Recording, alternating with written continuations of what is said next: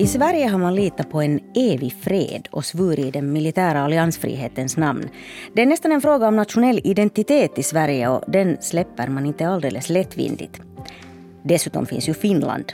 Tack och lov att Finland ligger mellan oss och ryssen har länge varit Sveriges devis. Och det har ju bevisligen fungerat, åtminstone hittills. Lite NATO-tjat måste vi köra ännu i nyhetspodden för vi behöver ha svar på frågan vad vill Sverige egentligen? Och den frågan går till en välkänd gäst här i nyhetspodden, journalisten och säkerhetspolitiska kännaren Patrik Oksanen. Välkommen hit igen. Tack så mycket. Patrik, hur tänker man i Sverige? Räcker Finland som buffert fortfarande? Det tror jag att eh, ingen i Sverige tänker som så att Finland skulle räcka som buffert utan här har det funnits en insikt eh, under lång tid i Sverige och formulerat i försvarsberedningens rapport i december 2017 att blir det en konflikt i Östersjöområdet så blir Sverige indraget. Och konflikten kan till och med börja i Sverige innan mm. övriga eh, länder är indragna. Det vill säga att eh, eh, Ryssland då i ett syfte då om man vill till exempel tillskansa sig Baltikum skulle vara intresserad av ett svenskt territorium först för att eh, kunna stoppa en, en undsättning till Baltikum. NATO-opinionen har ju svängt väldigt kraftigt i Finland men den har också svängt i Sverige mer för ett NATO-medlemskap. Just nu går NATO-debatten glödhet här i Finland men hur ser den svenska NATO-debatten ut? Jag skulle inte kalla den glödhet ännu, men den kokar upp. Mm. Vi ser ju att Sverige ligger efter Finland i den här debatten. Eh, vi såg det i reaktionerna efter de ryska kraven 17 december. Eh, Finland reagerade mycket snabbare, eh, starkare och debatten började tidigare i Finland med anledning av det nya säkerhetsläget. Mm. Och sen Eh, har ju Finland då tagit sig an det här i en, i en mer öppen process och bejakar debatten. Medan i Sverige så har signalerna mer varit att positionerna är fastlåsta sedan tidigare och då är det då svenska regeringen som inte eh, vill se ett, ett NATO-medlemskap. Man formulerade ju det när regeringen tillträdde så sent som i november att mm. man inte tänkte sig det. Och alldeles häromveckan eh, gick också statsminister Magdalena Andersson ut och sa mycket tydligt nej eh, till Nato. Eh, hur skulle du säga att det skiljer sig mellan Finland och Sverige hur man tar sig an den här NATO-frågan just nu? Ja, det skiljer sig då på, på det sättet att eh, det är ju den här öppenheten i debatten, eller, eller i Finlands fall då att man har formulerat att man ska ha en snabb, ordentlig, grundlig men återigen snabb diskussion eh, och landa i ett eh, förhållningssätt om man ska gå med i Nato eller inte. Mm. Eh, Medan i, i, Sverige så, så, har ju då regeringen försökt hålla igen locket eh, och det går ju inte så bra just nu. Och eh, det uttalande som du refererar till som statsminister Magdalena Andersson gjorde eh, det, då använde hon ju termer att, att det skulle destabilisera regionen mm. ifall Sverige sökte medlemskap och det är ju ett ordval som hon själv tror jag inser var olyckligt så att jag tror inte att du kommer att se statsministern uttrycka sig på det sättet igen. Just det. Det väckte en del hallå här i Finland i alla fall. Uh, hur, var det, hur togs det här eh, kategoriska nejet och destabiliseringspratet emot i Sverige? Eh, inte särskilt lyckat i, i, Sverige heller, kan man väl sammanfatta det med. Och, och som sagt jag tror att den insikten finns att det var ett olyckligt ordval. Men präglat på något sätt av, av en, en, kanske en frustration att eh, frågan håller på att glida ifrån. För att det vi ser i den svenska debatten det är ju då eh, för det första så har flera företrädare på Socialdemokraternas vänsterflygel gått ut och sagt att man nu vänder i NATO-frågan. Mm. Så att det finns ett tryck i det socialdemokratiska partiet. Vi ser att opinionsmätningarna går framåt eh, eh, och att det finns en, ett klart övertag för NATO-sidan i den svenska opinionen. Eh, den är ännu starkare i Finland just nu än i de senaste mätningarna i Sverige. Men mm. Sverige ligger ju som sagt var lite efter. Och sen har ju Sverigedemokraterna då sagt att om Finland beslutar sig för Nato, då kommer Sverigedemokraterna ändra sitt nej till ett ja. Eh, och då finns det en svensk riksdagsmajoritet för NATO-medlemskap. och det här sätter ju tryck på, på, på Socialdemokraterna i Sverige. Ja, då blir det ju egentligen bara Socialdemokraterna och Vänsterförbundet kvar. som säger nej. och Miljöpartiet. Just det, okej. Okay. Hur svår är NATO-frågan för de svenska socialdemokraterna då? Den, den, eh, den frågan kommer att vara jättesvår tills den inte är svår längre. Eh, och det, det, kanske låter lite kryptiskt ja, uttryckt men, men den, den, den, är ju en, en identitetsfråga har ju varit det länge och det har ju varit otänkbart för många. Men den 24 februari så förändrades ju världen mm. och det är det ryska storangreppet på Ukraina. Eh, och, och det gör att den här identiteten eh, den står ju här och balanserar mot en realitet och en insikt att världen förändras. Och eh, när man är mogen att acceptera att världen förändras och situationen förändras i närområdet också, då, man, då tror jag att man kommer att, att, landa i att man går med i Nato. Eh, om Finland gör det. Så att den svenska debatten är beroende av Finland. Eh, men än så länge i alla fall så har ju den svenska statsledningen varit väldigt tydlig med att man inte tänker ändra på den försvarspolitiska grunddoktrinen, svårt ord där, eh, som det heter, alltså alliansfriheten. Man kommer inte att införa någon så kallad NATO-option som ju då Finland har och har kört med väldigt länge. Hur viktig är den här alliansfria identiteten i Sverige? Ja, man kan höra UD-tjänstemän som jobbar med de här frågorna i termer att man försvarar eller skyddar den heliga graalen. Eh, och det säger väl kanske en del om, om hur, hur stark ställning det har haft. Men det här raseras ju väldigt fort i insikten att eh, och egentligen den realpolitiska insikten att, att Lissabonfördraget 42.7 och medlemskapet i EU. Eh, det finns ju solidaritet och hjälp mellan EU-länder men det finns ju ingen militär struktur att backa upp det. Utan de flesta NATO-länder, eller vad säger de flesta EU-länderna har ju mm. lagt det i NATO. Och, och, det är ju en insikt som, som växer och inser då att ja, men, där har vi inte ett skydd. Vi har president Biden som sagt att varje millimeter av ett NATO-lands territorium kommer att försvaras av USAs fulla kraft. Och så ser man vad som händer i ett land som inte är med i Nato, Ukraina, eh, som också är partner till Nato och eh, precis som, som Sverige och Finland. Mm. Så att jag tror att det här bidrar till att förändra analysen, eh, men, men det tar lite längre tid i Sverige. Därför att de här frågorna har inte varit emotionella i Finland utan de har ju varit kalla strategiska eh, byggt liksom på, på den realpolitiskt. Ja, eh, kanske så. ända fram till nu då eller?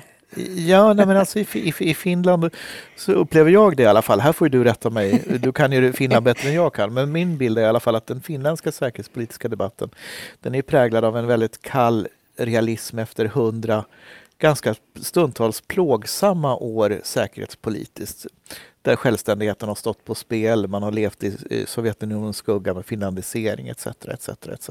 Mm. Medan Sverige har varit det skyddade landet, det som har inte haft krig på eget territorium, som har levt i, i, även om svensk trupp har varit i strid, men, men landet har levt i fred i över 200 år, eh, så blir det någonting annat. Det blir mm. ett, det som är otänkbart i, i, i Sverige, det vill säga kriget, det lever ju Finland med i, i sina nära minnen på ett helt annat sätt. Mm, mm. Men är det inte då så att den militära alliansfriheten har tjänat Sverige väldigt väl under lång tid? Kan, kan det faktiskt inte fungera nu längre? Är det som bortblåst? Ja, vi ska komma ihåg att den där är ju en, en sån där formulering lite grann som den finländska NATO-optionen. Mm. Det vill säga en, en, formulering som är rätt behändig att använda sig av av olika syften. Den finländska NATO-optionen brukar jag likna med en björnskrämma eftersom det är en finländsk konstruktion för att hålla Ryssland borta. Eh, alliansfriheten har tjänat oss väl blir ju liksom en, en eh det är en formulering som, som egentligen handlar om att Sverige, om du tittar lite cyniskt på det i historien, har varit duktiga på att anpassa sig eh, och förhålla sig till regionens eh, starkaste makt oavsett vilken det är. Vi har ju liksom mm. man, man, har, man har visat sig vara böjlig. Eh, det har inte varit en hård princip fast neutralitet och militär alliansfrihet utan mer ett mer mjukt förhållningssätt beroende på vilka vindar som blåser. Och nu känner man lite, försöker man väl börja känna av lite de här vindarna då. Att är, det, är det totala NATO-vindar eller någonting annat som är på gång? Men samtidigt har ju både Sverige och Finland i praktiken närmat sig NATO genom partnerskap och genom militär kompabilitet. Det vill säga att eh, man har anpassat sina vapensystem efter NATO-standard. Sverige och Finland är inbjudna till alla NATO-samtal just nu om läget i Ukraina så, så vi får samma information som NATO-länderna om situationen. Och Sverige och Finland deltar också som bäst som enda icke-medlem i den NATO-övning Cold Response som pågår i Norge. Så det är liksom allt men inte medlemskap. Är det så? Ja, det är väl allt utom garantierna och eh, den gemensamma försvarsplaneringen för krig. Mm. Pågår det en lite hemlig NATO-anpassning i, i, Sverige på något sätt ändå? Man ska ju ha upp också försvarsanslagen nu till NATO-nivå. Eh, jag skulle säga att försvarsanslagen skulle behöva vara högre om man väljer att stå utanför NATO, men det är en annan diskussion. Jag skulle inte kalla det för smyganpassning utan det här har varit en process som Sverige och Finland har gjort öppet under lång tid eh, utifrån en idé om att man bygger säkerhet tillsammans med andra. Eh, och eh, det är bara det sista logiska steget i att bygga säkerhet tillsammans med andra eh, som återstår och det är ju medlemskapet med de förpliktelser och ömsesidiga garantier eh, som, som är kvar. Mm. Vi, vi har kommit så nära vi kan komma. Du har nämnt här flera gånger att eh, om Finland söker så måste Sverige ta ställning på ett helt annat sätt än man har gjort nu. Varför är det viktigt för Sverige att titta på Finland? Jag tänker så här att om Finland går med i NATO så behöver väl strikt taget inte Sverige göra det för då är man så där tryggt omringad av idel NATO-länder. Det är ju en, en eh, felaktig tanke för att Nej, jag gillar ska... den så mycket. Ja, jag förstår det. Jag är ledsen att jag är så hård och kallar, kallar din formulering där för en felaktig tanke. Men, men det är ju då att, att det som uppstår är ju att Sverige skulle ju vara då den stora osäkerhetsfaktorn. Mm. Eh, det svenska territoriet ligger ju mitt i, i Norden, Östersjön.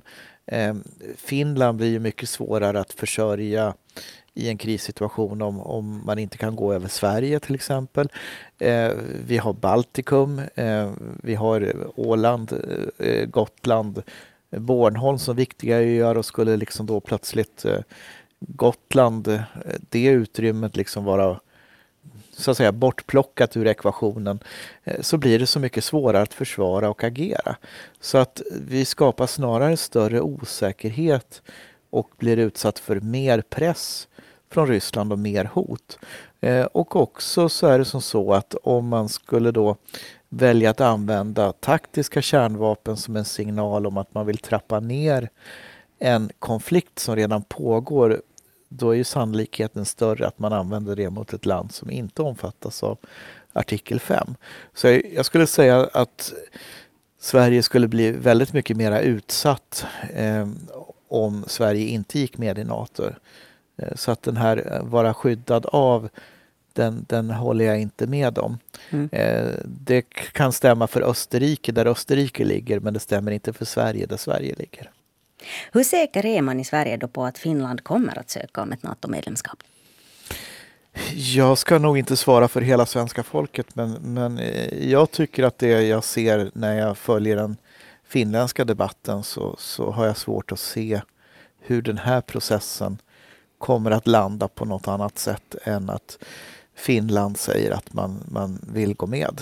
Eh, sen är ju frågan om hur fort det sker och eh, eh, timing och så men, men jag har svårt att se att den processen slutar på något annat sätt.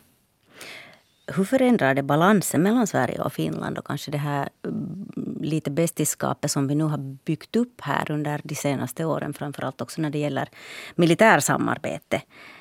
hur viktigt är det att Sverige och Finland skulle göra ett eventuellt sånt här NATO-inträde tillsammans?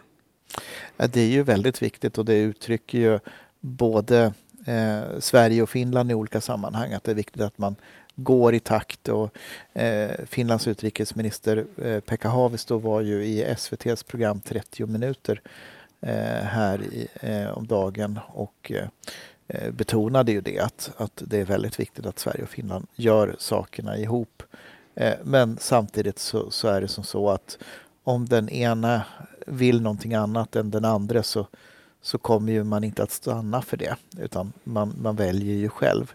Mm. Men så länge vi kan göra saker ihop så är det av stor vikt. Mm. Och den viktigaste och nästan enda geopolitiska orsaken stavas Ryssland? Ja, det stavas Ryssland och det stavas Putin eh, och det stavas eh, 24 februari. Mm. Patrik Oksanen, journalist och säkerhetspolitisk kännare. Tack för att du gästar Nyhetspodden igen. Jag heter Jonna Nupponen och det är alltså Nyhetspodden från svenska YLE du har lyssnat på. Producent är Ami Lassila, tekniken sköttes av Staffan Sundqvist. Och hör du, fortsätt lyssna på oss.